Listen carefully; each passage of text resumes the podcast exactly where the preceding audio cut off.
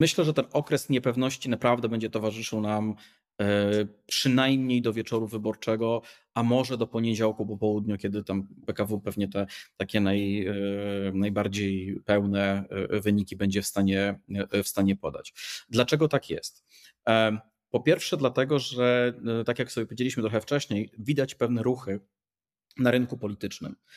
Te ruchy to nie jest tak, że one się dokonają na tydzień przed kampanią i już one będą trwały, ten proces będzie zachodził przez te wszystkie dni, które będą y, nas zbliżały do głosowania. Zresztą pamiętajmy też, że strategia partii politycznych jest tak obliczona, e, lepiej lub gorzej, e, żeby ten efekt wystąpił no, w weekend wyborczy, a nie wcześniej.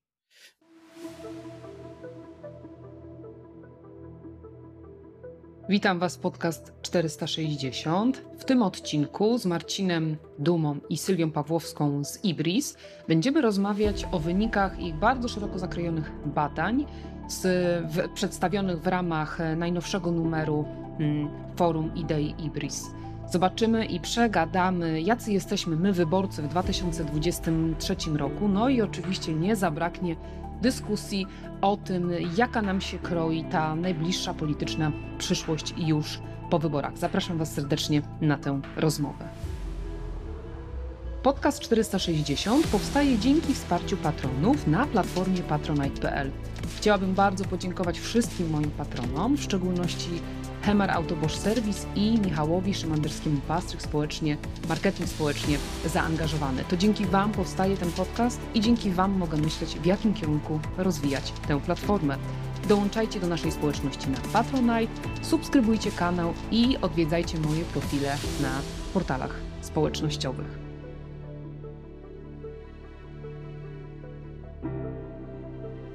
Jeszcze raz y, bardzo chciałam Wam podziękować za przyjęcie zaproszenia do podcast 460.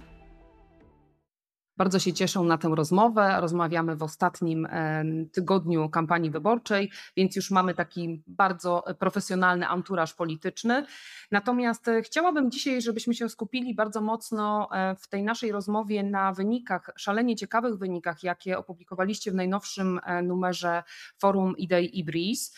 E, I myślę, że to nam stworzy taką fajną podstawę do tego, żeby już e, w tym ostatnim tygodniu kampanii pokusić się być może o takie oceny, jak może to wyglądać politycznie w kolejnym, w kolejnym tygodniu. Jeśli pozwolicie, zacznę od e, pytania, Mm, w, w dotyczącego kwestii, które są rzeczywiście szalenie e, dla mnie e, interesujące, dlatego że te badania bardzo zaawansowane, e, które przeprowadziliście, one potwierdzają pewne założenia, które już wiemy o polskim społeczeństwie, czyli widać te silne różnice między elektoratami Zjednoczonej Prawicy, elektoratami partii opozycyjnych, widać silne pęknięcie, mało w mediach podkreślane, ale istotne społeczne pęknięcie między młodymi kobietami i mężczyznami, ale widać szereg innych kwestii, na, które, na których się koncentrowaliście, mianowicie emocje. Ja chciałabym o tych emocjach elektoratów porozmawiać. To znaczy, na dzisiaj chciałabym zapytać Was o to, czego się boją Polacy? Gdzie oni upatrują takich największych strachów? I czy widać różnicę, ponieważ badanie sugeruje, że tak, pomiędzy tymi strachami poszczególnych elektoratów? To ja mam taką propozycję organizacyjną. Eee, Sylwio, bo ty siedzisz bardzo głęboko w tej części ilościowej, to ja to zostawię tobie, a ponieważ Dobra. ja jestem na bieżąco z takim komponentem jakościowym, to ja potem dopowiem, e, dopowiem swoje. Co wyszło? Czego się boją Sylwia ludzie dziś, elektoraty? E, wyborcy różnych partii boją się bardzo różnych rzeczy. E, wyborcy partii opozycyjnych, koalicji obywatelskiej, lewicy, także trzeciej drogi, e, ich w największym stopniu zaprzątają takie lęki o wartości związane z organizacją życia społecznego, i na przykład o wolność, o demokrację, o wolność słowa, także o prawa kobiet. To jest na przykład lęk charakterystyczny dla y, wyborców lewicy i lewica y, w swojej kampanii e, tym wątkiem się bardzo ładnie opiekowała. Dla wyborców e, Prawa i Sprawiedliwości i Konfederacji z kolei bardzo charakterystyczne są lęki dotyczące szeroko rozumianych obcych. I w tej kategorii mamy e, imigrantów, ale mamy też uchodźców z Ukrainy. I tak jak powiedziałam, elektoraty tych dwóch partii łączy ten lęk wobec obcych, ale akcenty są troszeczkę inaczej rozłożone bo wyborcy PiSu jednak nieco bardziej obawiają się imigrantów, czyli napływu obcych, osób obcych kulturowo, tak, różniących się kolorem skóry, wyznaniem. E, natomiast znacznie większym, z większą otwartością odnoszą się do uchodźców z Ukrainy. Chociaż tutaj też nie wszyscy, i tutaj powoli też no, narasta taka emocja niezbyt pozytywna. E, z kolei, jeżeli chodzi o wyborców Konfederacji, e, to oni znacznie większe obawy mają e, i niechęć wobec uchodźców z Ukrainy. I teraz, jak popatrzymy na to, mm, jaka jest geneza właśnie takich emocji, to można się domyślać, że wyborcy PiSu bardziej obawiają się tej obcości kulturowej, obcości religijnej, Natomiast e, lęki e, wyborców Konfederacji, czy może należałoby bardziej powiedzieć niechęć, e, mają w większym stopniu podłoże ekonomiczne. Mm, ci wyborcy mają takie poczucie, że zwłaszcza uchodźcy z Ukrainy to jest ktoś, kto tutaj pojawił się, przybył i dostał w zasadzie wszystko to, co dostaję ja codziennie na to pracując czyli te same przywileje socjalne, y, to samo y, dostęp do tych samych usług y, publicznych, dostęp, co tu dużo mówić, e, no w dzisiejszych czasach niełatwy i ograniczony, także tych dóbr nie było zbyt dużo. I nagle okazało się, że w tej kolejce do nich pojawiają się kolejni zainteresowani. Jeżeli chodzi o wyborców opozycji, to widać też tutaj taką ciekawą prawidłowość, bo w zasadzie powiedzieliśmy teraz o takich lękach no trochę wyższych, czyli te lęki związane z demokracją, e, wolnością, to są takie wartości, można powiedzieć, wyższe, o które my zaczynamy się troszczyć w momencie, kiedy ten nasz podstawowy byt na poziomie e, materialnym jest już jakoś zabezpieczony. Mm, co ciekawe, wyborcy opozycji w nieco większym stopniu przejawiają e, w porównaniu z wyborcami PiSu przejawiają także te lęki e, dotyczące mojej bieżącej sytuacji bytowej, dotyczącej mm, no, tego, jak się potoczy sytuacja materialna w moim gospodarstwie domowym, jak to będzie z pracą, jak to będzie ze zdrowiem. Jest to o tyle ciekawe, że to są osoby o, o lepszym, wyższym statusie socjoekonomicznym, więc jakby mają mniej y, podstaw, żeby takie lęki y, egzystencjalne, materialne odczuwać. Z czego to może wynikać? No prawdopodobnie z tego, że po pierwsze, e, im wyżej jesteśmy gdzieś w tej hierarchii społecznej, tym z wyższego konia jakby możemy spaść, tak? Tym większe mamy obawy dotyczące utraty tego naszego statusu, który udało nam się osiągnąć. Z drugiej strony, takim wytłumaczeniem e, tej prawidłowości mm, sądzę, że jest także poczucie kontroli, które wyborcy PiSu mają gdyż rządzi ich partia, mają poczucie, że ta partia się jakoś tam opiekuje tym ich, e, ich sytuacją bytową na różne sposoby. E, natomiast wyborcy opozycji e, mają takie przekonanie, że w trudnych czasach, w czasach wojny, kryzysu, o ich sytuacji decyduje ktoś, komu skrajnie nie ufają. To trochę tak, jakbyśmy jechali po bardzo krętej drodze Siedzimy na tylnym siedzeniu, a za kierownicą siedzi ktoś, y, kogo uważamy za bardzo złego kierowcę i zakładamy, że on niekoniecznie dobrze nam życzy. No tak, i zasadniczo tutaj jeszcze bardzo ciekawe wychodzą kwestie związane z tym, że de facto ludzie się czują y, pozostawieni sami sobie, prawda? Ten elektorat, skoro nie ma kontroli, to jest jedna rzecz, ale jeszcze czuje tak. się pozostawiony sam sobie. Bardzo interesujące, e, e, interesująca kwestia, która tu wyszła, dotyczy też elektoratu Prawa i Sprawiedliwości, który zasadniczo w tych materialnych dobrach wcale nie czuje jakiegoś gigantycznego strachu, prawda? Tam chyba takie, takie dane też gdzieś się pojawiły, że oni się czują względnie bezpiecznie, jeśli chodzi o, o swoją taką przyszłość materialną, mimo że wiemy skądinąd z innych badań, że to jest grupa, która w zasadzie dzisiaj, e, biorąc pod uwagę różne wskaźniki, jest w sytuacji no chyba znacznie gorszej niż pozostałe grupy, o których mówiłaś. Mhm. Tak, tak, dokładnie widać taką prawidłowość. Widać nawet jeszcze jedną e, ciekawą prawidłowość, to już e, w innych naszych badaniach, jeżeli chodzi właśnie o to poczucie bezpieczeństwa elektoratu PiSu. Jak wiemy, to jest elektorat statystycznie starszy od e, elektoratu Platformy. I na takim stwierdzeniu. Chociaż niewiele. Chociaż niewiele. niewiele. Tak, bo się zmienia. Tak, bo to ale... jedną z, tych, jedną z tych test tego raportu, zaraz, ci, zaraz już przestanę ci przeszkadzać, Sylwio. Yy, jedną z tych test tego raportu jest to, że jednak ten elektorat tych obydwu partii yy, dominujących na polskiej scenie politycznej to są elektoraty znacząco starsze. Jeżeli przyjrzymy się na ten taki, na tą oś podziału młodzi starzy, to wyraźnie widać, które partie polityczne obsługują którą część z, tej, z tych krańcowych e, osi. Wyraźnie widać, że PiS, chociaż oczywiście ma jeszcze starszy niż Koalicja Obywatelska, natomiast i Koalicja Obywatelska, i Prawo i Sprawiedliwość to są partie emeryckie albo wieku przedemerytalnego. Natomiast ci ludzie, którzy mm, są w wieku tak 18-35, no rozciągnijmy to na 18-40, to mamy tutaj jednak dużo większą reprezentację takich, te, tego takiego klina, który się wbija w duopol, czyli e, dużo więcej konfederacji, dużo więcej lewicy. Oczywiście tu dochodzą na to, nakładają się na to także podziały płciowe, to znaczy, że kobiety no, mimo wszystko częściej wybierają lewicę, a mężczyźni dużo częściej wybierają e, konfederację. No i mamy trzecią drogę, która jest no, partią środka, to znaczy także i w tym podziale e, takim pokoleniowym oni się mieszczą, no niby w tej młodszej części, no ale jednak są to trochę starsi ludzie niż, niż w przypadku tych dwóch, e, tych dwóch ugrupowań. A w tym naszym raporcie jest taki bardzo fajny wykres, który zresztą ty zaproponowałaś Sylwio, e, gdzie mamy poszczególne grupy wiekowe umieszczone na, na, takim, na takim diagramie pokazujące, kto jest bardziej liberalny, kto jest bardziej socjalny, a jednocześnie kto trochę bardziej konserwatywny, a trochę kto bardziej progresywny.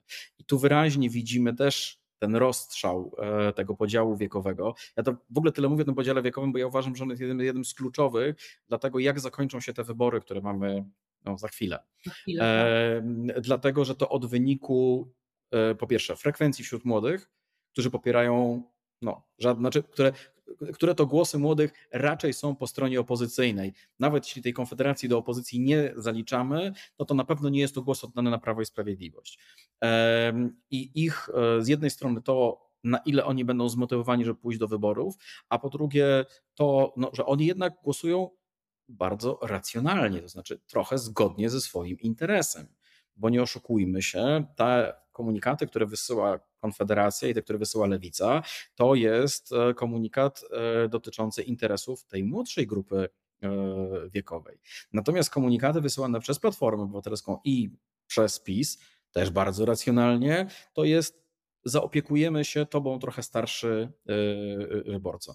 Oczywiście jest to o tyle ciekawe, że no wydaje nam się, że przecież te partie to one są takie ogólno społeczne. Tymczasem no, widzimy starzejące się społeczeństwo i w starzejącym się społeczeństwie racjonalny polityk będzie szedł tam, gdzie jest więcej głosów, a w starzejącym się społeczeństwie więcej głosów będzie po tej stronie osób starszych, bardziej dojrzałych. Co więcej, ten wyborca yy, starszy, emeryt albo ktoś, kto jest w wieku przedemerytalnym, on ma doskonałą, doskonałe rozeznanie, że jego poziom życia będzie zależało od decyzji politycznych. W związku z czym, e, no bo to, czy będzie miał emeryturę 13, 14, 15 czy 16, albo jaki będzie w ogóle, jaka będzie wysokość tej e, emerytury, przecież zależy od polityków decyzji politycznych, e, które państwo potem wykonuje. Służba zdrowia, z której ludzie no, starsi korzystają częściej, Cóż, to w jaki sposób będzie zorganizowana, jaki będzie jej zakres, to również jest państwo, to również jest polityka. Więc ten zwrot tych dwóch dużych partii właśnie w stronę starszego wyborcy, który jest bardziej hmm, pewny. To znaczy, dużo częściej pojawia się przy, przy wyborach. Tak, tak. I jeszcze dodatkowo nie oszukuje, że pójdzie głosować, a potem była impreza i nie dowozi tej, mm, tej, tej obietnicy. Więc e, jest bardziej odpowiedzialny. No, po prostu ten, ten polityczny pieniądz zainwestowany w tego wyborcę przynosi lepszy, e, lepszy wzrost. Sorry, Sylwia, bo przerwałem ci tutaj e, twoją, twoją opowieść, więc już oddaję. Chciałam jeszcze tylko dodać, że jak popatrzymy na tą naszą mapę lęków, to bardzo specyficzną grupą też są wyborcy niezdecydowani.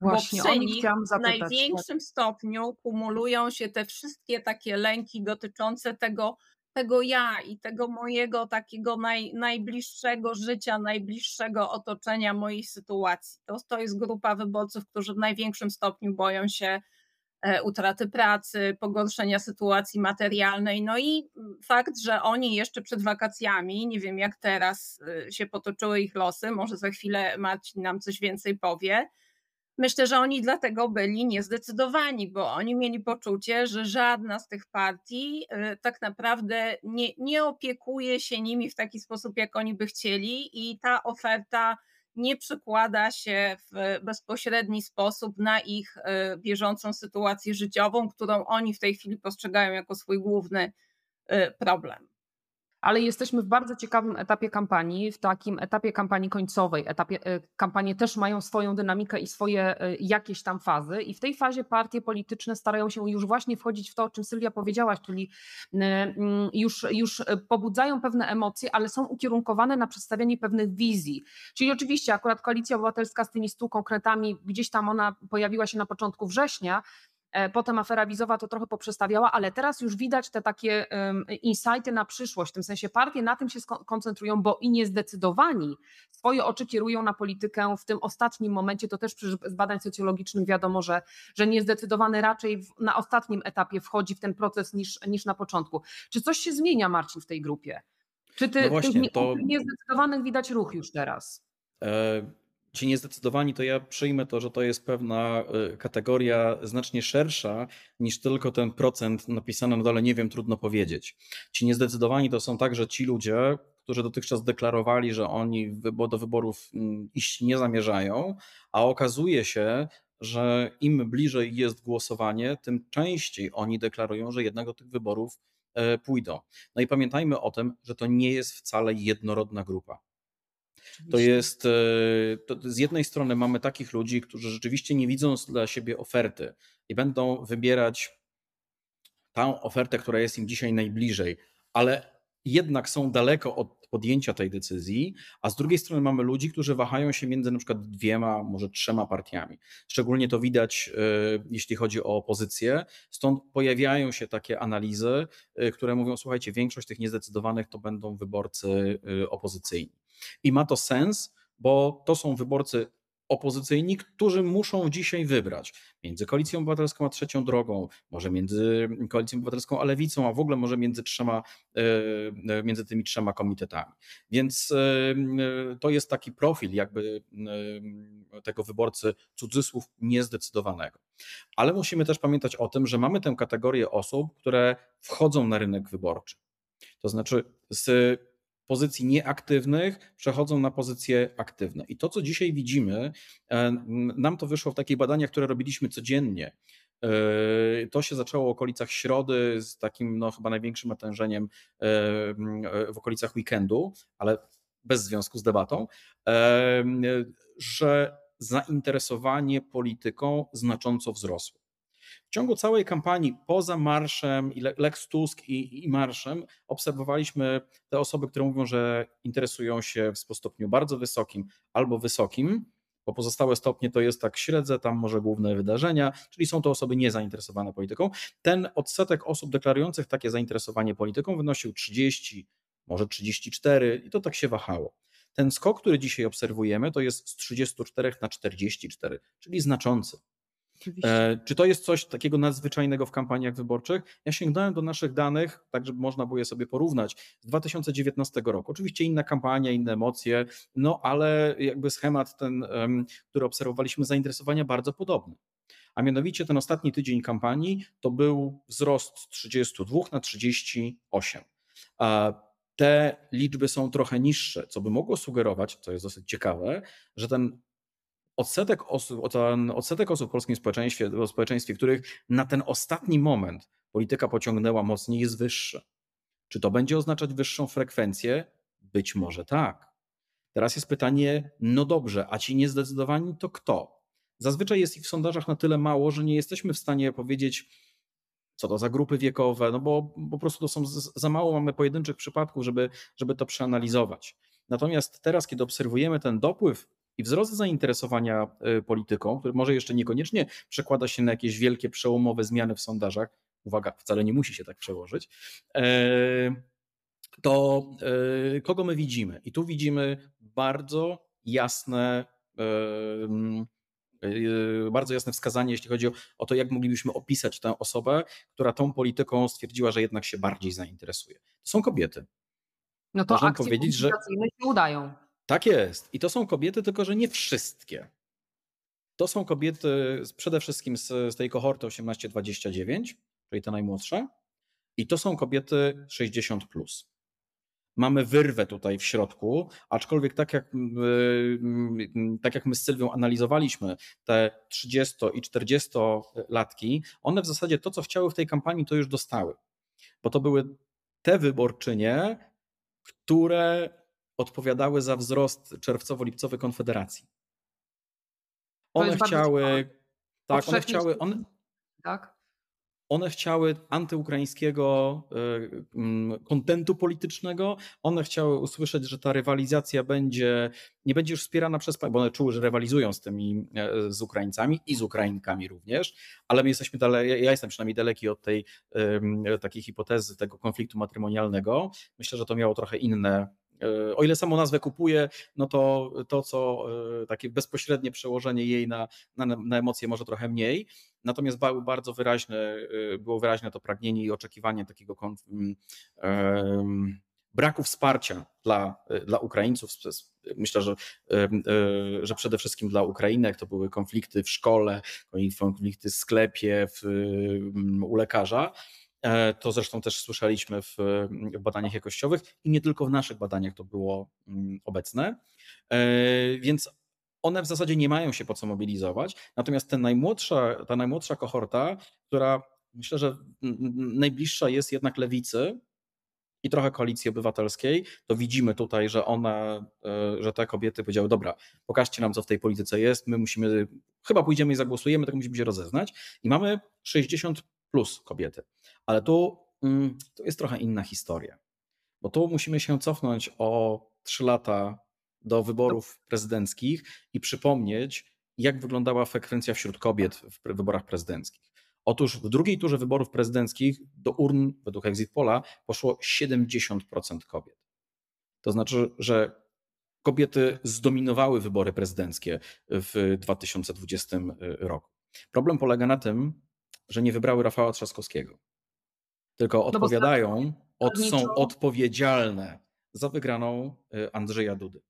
I mówimy tutaj znowu o tej, y, o tej kohorcie 60. Plus czyli ale o te, tych ale starszych to różnice, prawda? Ponieważ młode kobiety głosują bardziej. To, to były też badania, nie pamiętam tylko czy to wasze, ale były jakieś analizy, które pokazywały, że te kobiety młodsze zasadniczo głosują na partie, nazwijmy to opozycyjne, zaś kobiety dojrzalsze wybierają jednak y, PiS, ale ale zastanawiam się, bo to jest bardzo ciekawe, na co zwróciłeś uwagę, a propos tych kobiet pomiędzy, nazwijmy je e, tak niesocjologicznie, tych kobiet pomiędzy, które wycofały to poparcie e, dla Konfederacji. Czy wy macie takie dane precyzyjne, czy one się zdemobilizowały, czy one jednak poszukały jakiejś opcji? E, one, one brały Konfederację pod uwagę przed wakacjami na wiosnę, kiedy mhm. kampania polityczna się tak naprawdę dopiero co rozkręcała i szukały sobie dla siebie jakiejś nowej opcji. Bardzo często to były kobiety bardzo zniechęcone do PiSu na skutek e, wyroku Trybunału Konstytucyjnego i w tym wyroku tak naprawdę nie chodziło tylko o, o samą kwestię aborcji. Chodziło po prostu o poczucie, że oni, władza, politycy traktują mnie w sposób absolutnie niepodmiotowy. Przy okazji y, żalów związanych właśnie z tym wyrokiem y, wypływało bardzo różno, dużo różnych takich obserwacji, że w zasadzie my, kobiety, jesteśmy w tym życiu społecznym dyskryminowane na różnych odcinkach, że się stosuje podwójną moralność, że nie mamy równych szans w pracy. Czyli strajk y, kobiet i jego klęska i związane z tym frustracje doprowadziły trochę do takiego przebudzenia kobiet y, y, i tego, że one się zaczęły rozglądać, no, no, no to kto by o mnie zawalczył, tak? kto by tę sytuację zmienił. I na wiosnę te kobiety, które brały pod uwagę Konfederację, one były bardzo słabo zorientowane w programie tej partii tak naprawdę. W W ogóle jak tak, popatrzymy...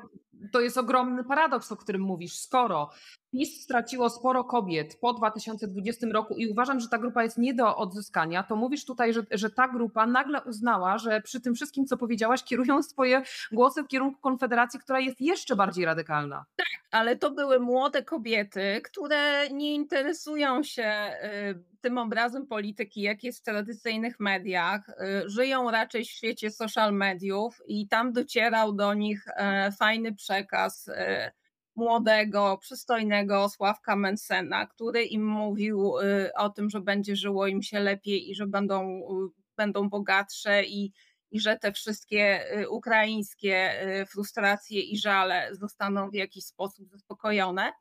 Natomiast co ciekawe, wiele z tych kobiet miało bardzo słabą orientację w programie Konfederacji dotyczącym właśnie tych kwestii obyczajowych. Na fokusach obserwowaliśmy takie dyskusje, no to, to ta Konfederacja w zasadzie jest za aborcją czy przeciw?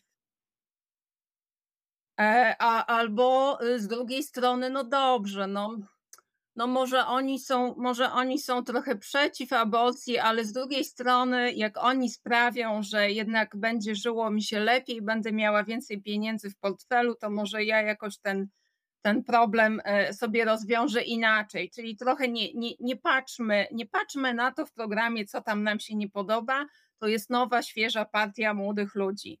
Ten y, y, ultrakonserwatywny przekaz Konfederacji w tym młodym elektoracie mm, był, był praktycznie nieznany i on nie rezonował.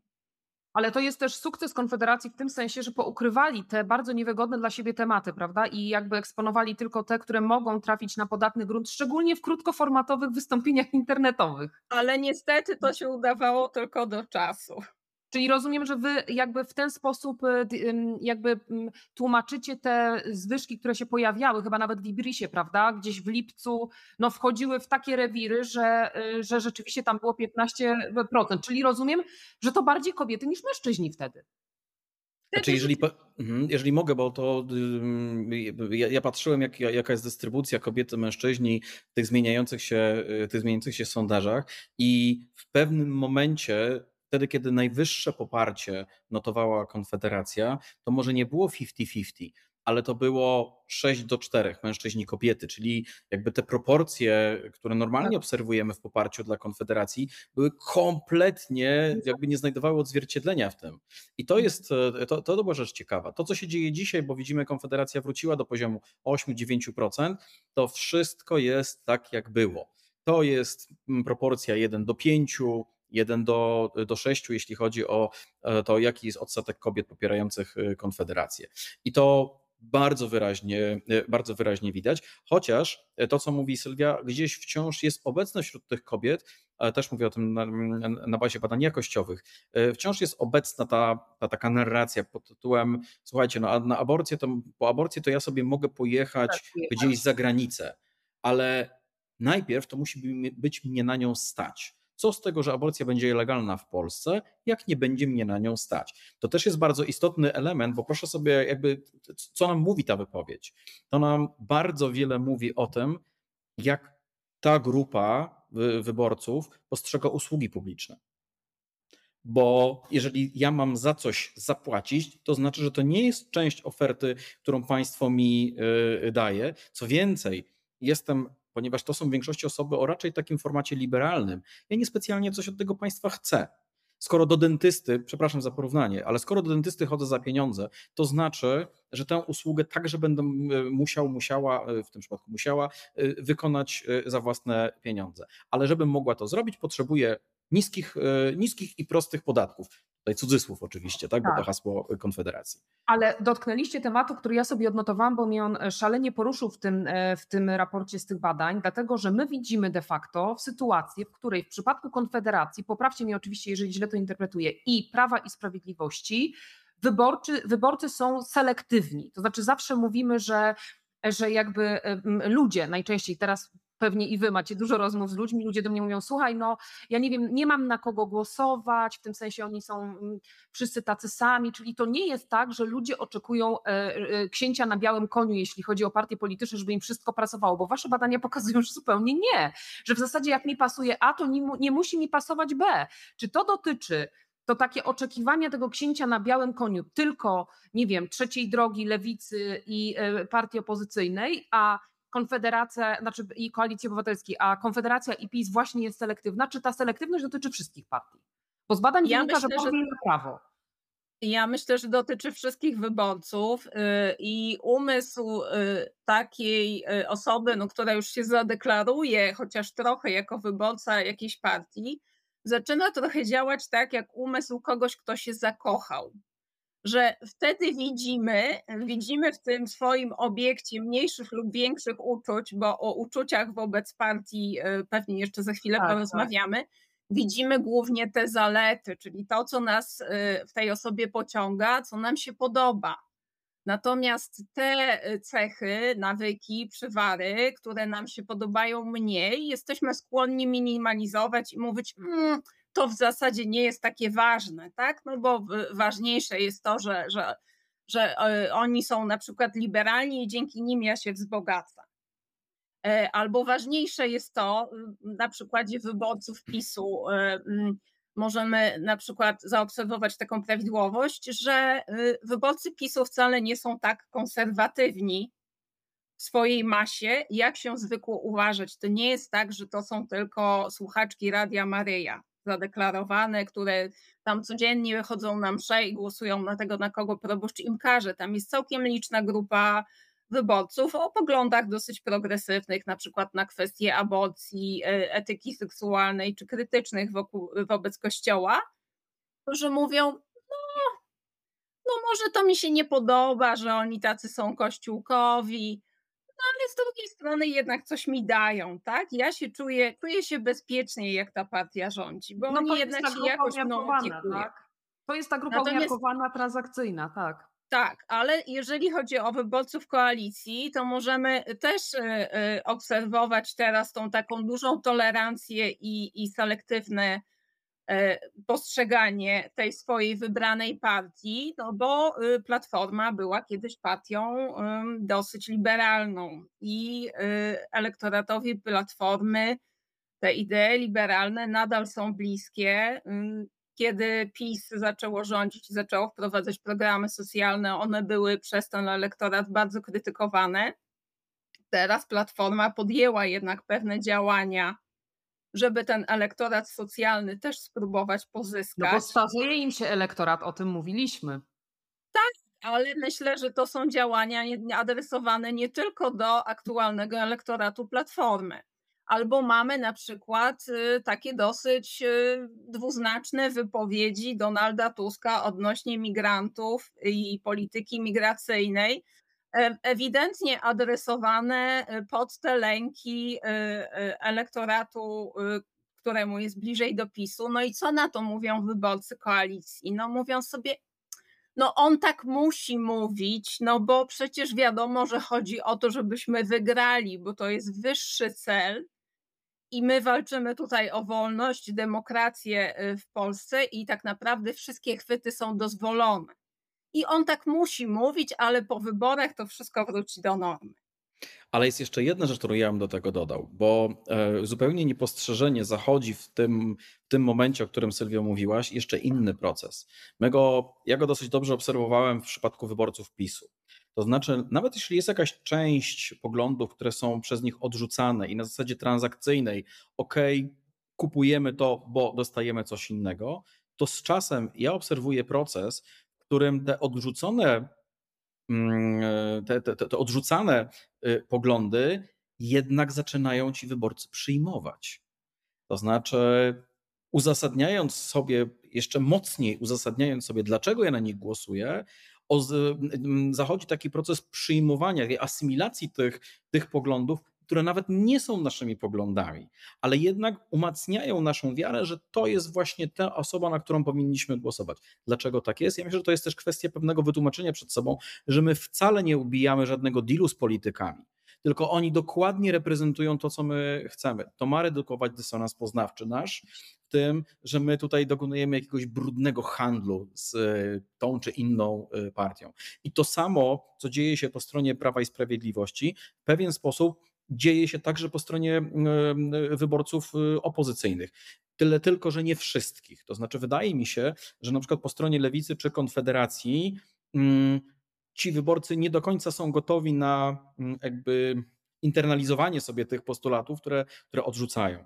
Oni doskonale wiedzą, co odrzucają i doskonale wiedzą, że robią deal ze swoją partią. Bo e, dużo skupiliśmy się na Konfederacji, ale warto też trochę powiedzieć jednak mimo wszystko o, o samej lewicy. Bo wyborca lewicowy, czy raczej wyborczyni lewicowa, wbrew pozorom dokonuje bardzo podobnego kompromisu, tylko na trochę innym wymiarze. Bo te e, wyborczynie e, lewicy wcale nie są tak socjalne, jak socjalna jest y, jej, ich, ich partia. One są dużo bardziej e, liberalne w zakresie tego, e, czy chcemy etatyzmu, czy chcemy, czy chcemy takiego leseferyzmu e, w koncepcji, w koncepcji państwa. A jednak poświęcają swoje liberalne ekonomicznie poglądy na rzecz agendy kulturowej i cywilizacyjnej. Tyle tylko, że ta świadomość tego poświęcenia jest na tyle u nich silna, że one wcale nie chcą internalizować reszty tej agendy. W przypadku tych starszych wyborców to działa trochę inaczej. Dlaczego tak jest? No nie wiem, jeszcze na razie nie jesteśmy w stanie tego, myślę, że zdefiniować, być może jakieś hipotezy tylko i wyłącznie e, do tego dobudować. Tak, ale być może to, o czym e, Marcin powiedziałeś, jest związane z tym, co też z pewnym wnioskiem, który wypływa z tych waszych badań, a jest szalenie wnioskiem ciekawym, a propos emocji, o których już e, Sylwia, o które Sylwia zagaiła, to znaczy E, ten główny wniosek jest taki, że my jesteśmy starszym wyborcą i bardziej dojrzałym, tym mamy większe tendencje do silniejszych emocji wobec polityki.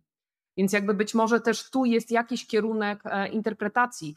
I chciałabym chwilę o to zahaczyć, bo strasznie mnie ten wątek, e, czy bardzo mnie ten wątek emocji interesuje, ponieważ relatywnie rzadko są badania, które wchodzą w ten aspekt absolutnie emocjonalny, jeśli chodzi o wyborców. I widzimy, że nienawidzą się głównie dwie partie, prawda? Czyli e, jakby PiS i e, Platforma. Natomiast mnie szalenie e, zainteresowała jedna rzecz, która się tu pojawiła, mianowicie, że pomimo narracji, jaką buduje obóz Zjednoczonej Prawicy przeciwko koalicji obywatelskiej, to zazwyczaj buduje to wykorzystując związki LGBT, czy tematy związane ze środowiskiem LGBT, ale do lewicy wcale elektorat PiSu nie jest nastawiony tak negatywnie. Zatem mam pytanie, kto kogo nienawidzi bardziej i mniej i który, które segmenty wyborców bardziej kochają swoje partie, a które mniej?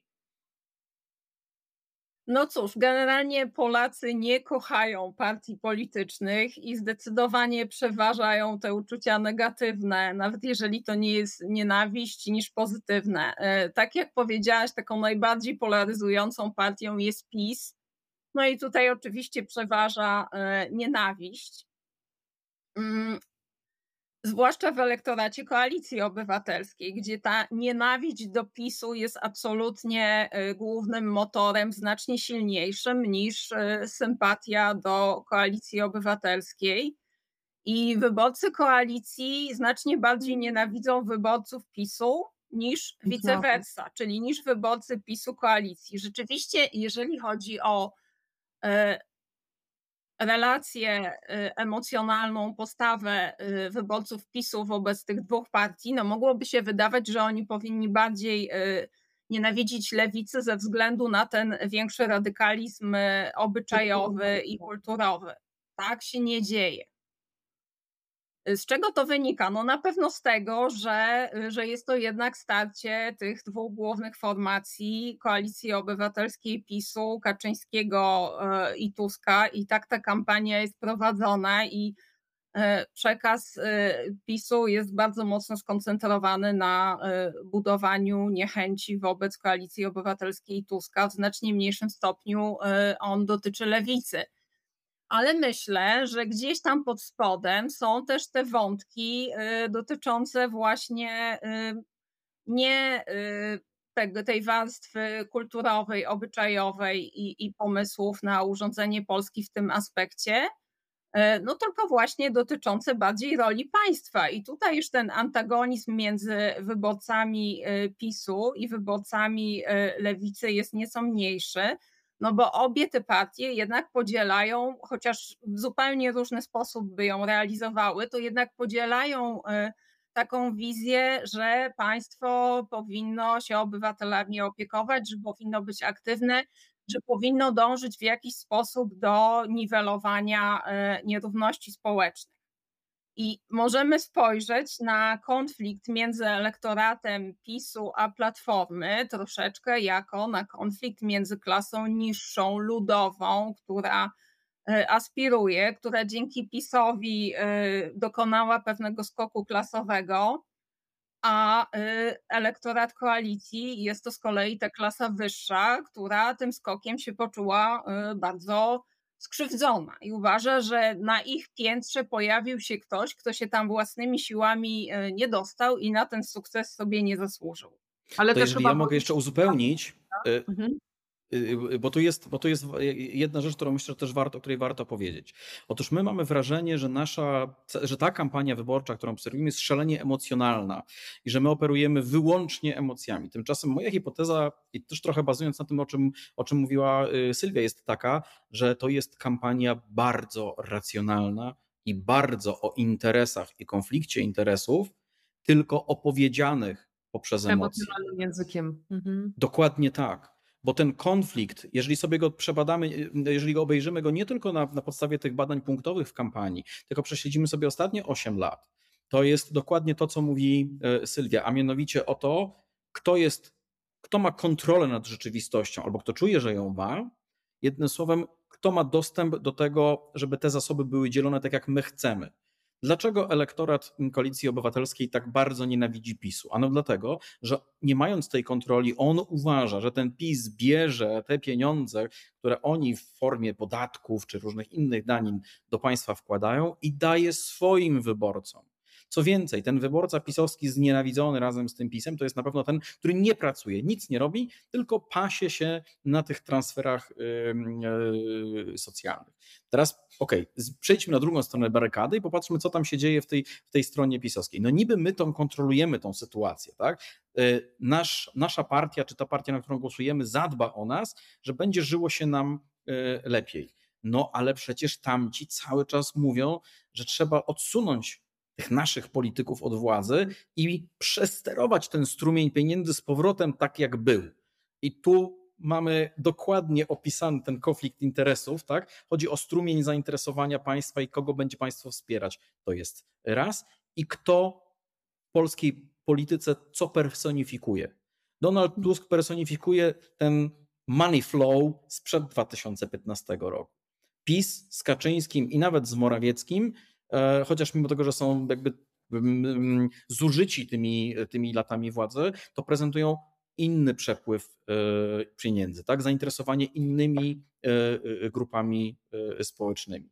I ta niechęć żeby nie użyć jeszcze mocniejszego słowa, tak, e, jest związana tak naprawdę z w sumie dosyć racjonalną, e, chociaż nieracjonalnie opowiedzianym, e, opowiedzianym konfliktem interesów, jeśli chodzi o to, gdzie państwo ma, w jaki sposób państwo ma redystrybuować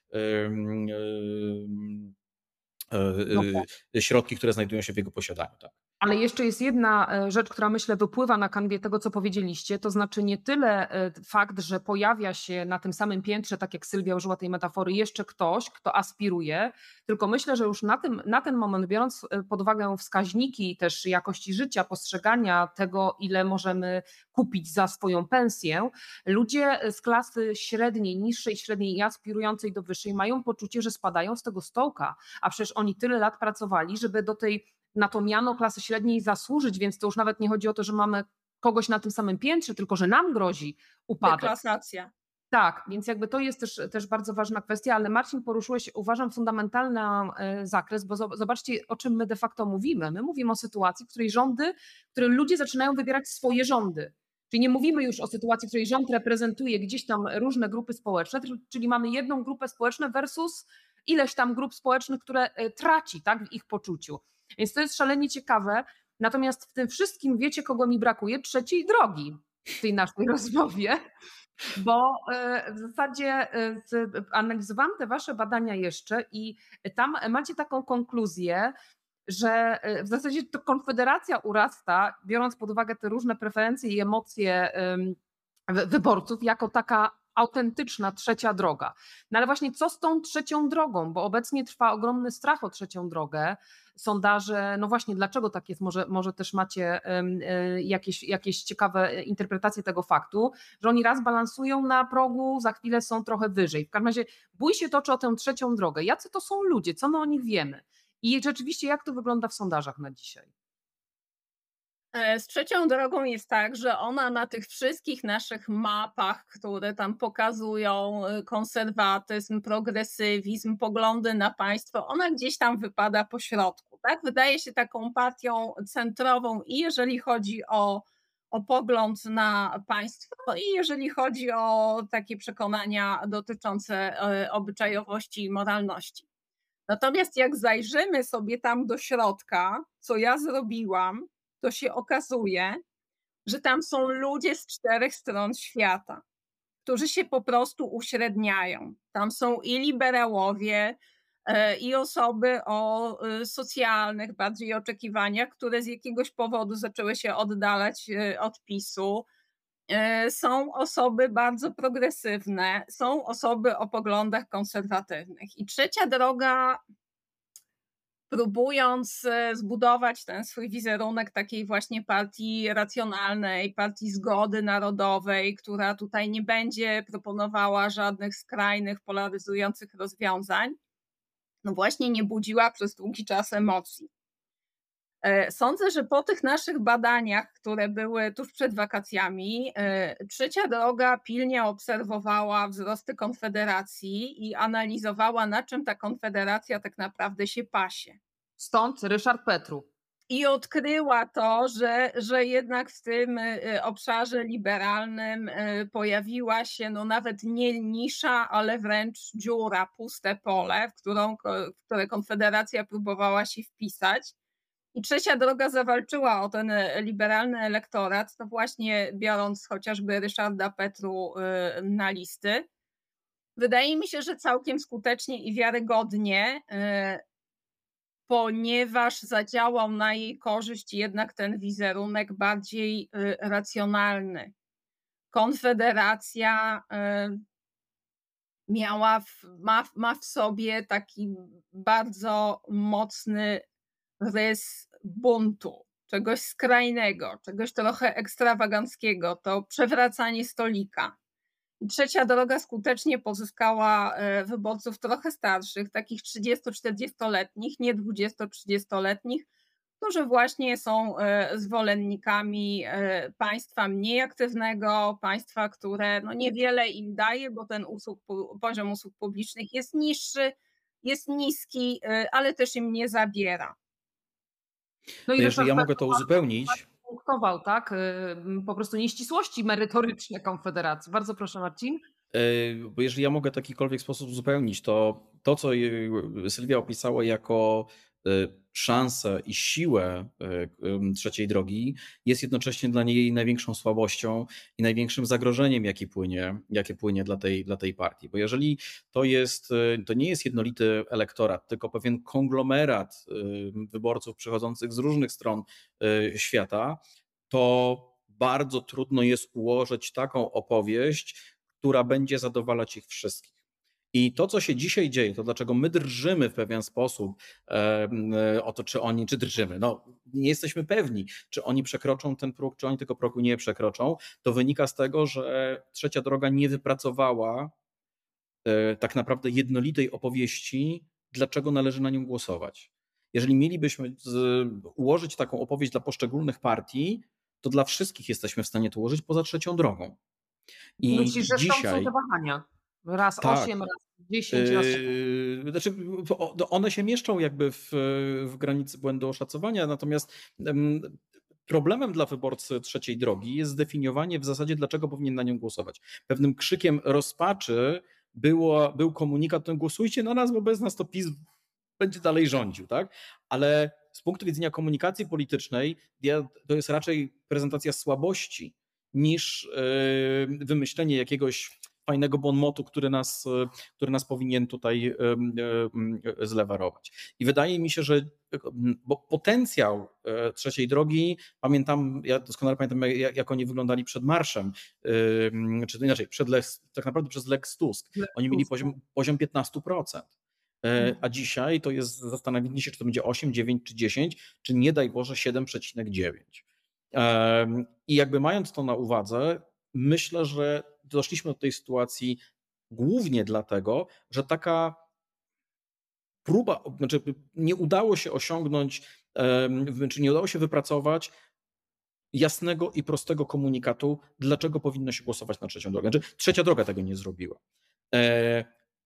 I też w pewien sposób jestem w stanie zrozumieć to, bo jeżeli na przykład na badaniach fokusowych słuchamy tych, tych wyborców, to oni albo są niezadowoleni z PSL-u, który nijak nie chce, przecież nie może być żadną zmianą w polskiej polityce, bo jest z niej od zawsze. E, tak, a z drugiej strony widzimy te, tych wyborców PSL-u, którzy w zasadzie nie bardzo rozumieją, o co temu Hołowni chodzi. Co to są w ogóle za postulaty, tak?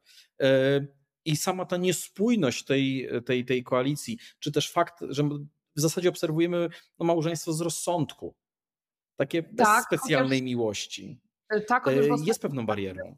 Jest, ale też w ostatnim czasie oni chyba starają się, mam takie wrażenie, jednak przynajmniej podzielić się rolami po tej stronie opozycyjnej, żeby to jakoś wyglądało. To znaczy jest pewien konsensus, partie się nie, gdzieś tam między sobą nie, te opozycyjne nie ścierają, żeby pokazać chęć do współpracy, więc ale rzeczywiście wszyscy naokoło mają strategię, żeby grać na, na trzecią drogę, bo chyba Y, jedyny pewnik, jaki my mamy tuż przed wyborami, to jest taki, że oni muszą wejść, jeżeli jest, ma być w ogóle szansa na, y, na zmianę władzy. I o to chciałabym na koniec Was zapytać, czy już widać w połowie tygodnia ostatniego jakieś wahania, bo ja przestrzegałam E, wielokrotnie w różnych analizach i komentarzach, żeby się nie przywiązywać do sondaży, nie wiem, z końcówki sierpnia, z początku września, tylko raczej zwracać uwagę już w, w październiku na sondaże. Czy waszym zdaniem już dzisiaj widać, w którym kierunku może się ta wajcha e, przesunąć? To znaczy, nie wiem, czy, czy się zgodzicie, że już mijanka chyba jest raczej nierealna na pierwszym miejscu, ale jak dobrze pójdzie trzeciej drodze, to yy, myślę, że jednak jest szansa na rząd opozycyjny. Zgadzacie się? Czy jeszcze mimo wszystko za wcześnie? To ponieważ wychodzimy trochę poza raport, to ja sobie teraz pozwolę e, tutaj wyjść przed szereg. Mm, myślę, że ten okres niepewności naprawdę będzie towarzyszył nam przynajmniej do wieczoru wyborczego, a może do poniedziałku po południu, kiedy tam PKW pewnie te takie naj, e, najbardziej pełne e, wyniki będzie w stanie, w stanie podać. Dlaczego tak jest? Po pierwsze, dlatego, że tak jak sobie powiedzieliśmy trochę wcześniej, widać pewne ruchy na rynku politycznym. Te ruchy to nie jest tak, że one się dokonają na tydzień przed kampanią i już one będą trwały, ten proces będzie zachodził przez te wszystkie dni, które będą y, nas zbliżały do głosowania. Zresztą pamiętajmy też, że strategia partii politycznych jest tak obliczona, e, lepiej lub gorzej, e, żeby ten efekt wystąpił no, w weekend wyborczy, a nie wcześniej. E, I jeżeli dzisiaj mielibyśmy twardo powiedzieć, słuchajcie, opozycja wygra, albo nie, PiS będzie dalej rządził, to jedna rzecz, to jedną rzecz, którą ja mogę, biorę tą odpowiedzialność, mogę powiedzieć, PiS nie będzie miał samodzielnej większości. Ale to było łatwe. Eee, to trzecia jest droga tak. musi wejść plus trzecia droga musi wejść. I teraz tak, e, jeżeli opozycja ma mieć większy, ma myśleć o większości, to trzecia droga musi być w Sejmie. Bez trzeciej drogi w Sejmie nie będzie większości e, opozycji. No, chyba że jest możliwość dogadania się z, z Konfederacją. I e, tego jesteśmy, tego jesteśmy, e, tego możemy być pewni. Czego nie możemy być pewni, to tego, czy pomimo faktu, że trzecia droga wejdzie, to te trzy partie paktu senackiego będą miały wystarczająco dużo głosów, żeby zbudować w następnym parlamencie większość. I to jest rzecz, której nie wiemy i którą z dużą ostrożnością trzeba analizować także podczas wieczoru wyborczego, bo też nawet nie chodzi o tą Słowację, gdzie tam się exit pole pomyliły. Ale w ogóle jest tak, że w tej kampanii jeden punkt albo dwa punkty, czyli jakby absolutnie dopuszczalny margines błędu, e, jeżeli takie, jeżeli takie przesunięcie w exit polu się zdarzy, a zdarzyć się może, to mamy albo taką Polskę, albo zupełnie inny obraz. Dodajmy jeszcze, że przy exit polach jednak jest ogromna, nieporównywalnie większa próba, więc ten margines błędu jest też inny, prawda? Jest mniejszy niż te 2-3 punkty procentowe w zwykłym badaniu, więc to jest jeszcze ten element. Więc no tak, to co powtarzamy, jednak trzeba ogromnego bezpieczeństwa, bo tutaj piłka w grze jest do końca i mało tego, my wiemy, to już jest trzeci pewnik, słuchajcie, że to będzie na ostrzu noża wszystko, tak? Czyli to się będzie rzeczywiście o, o niewielkie. Yy, niewielkie punkty procentowe y, przecinało.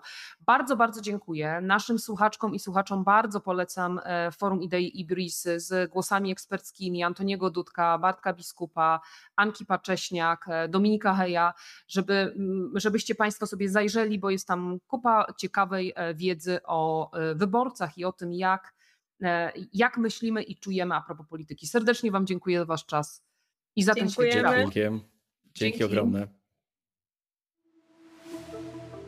Bardzo dziękuję za Wasz czas, za Waszą obecność.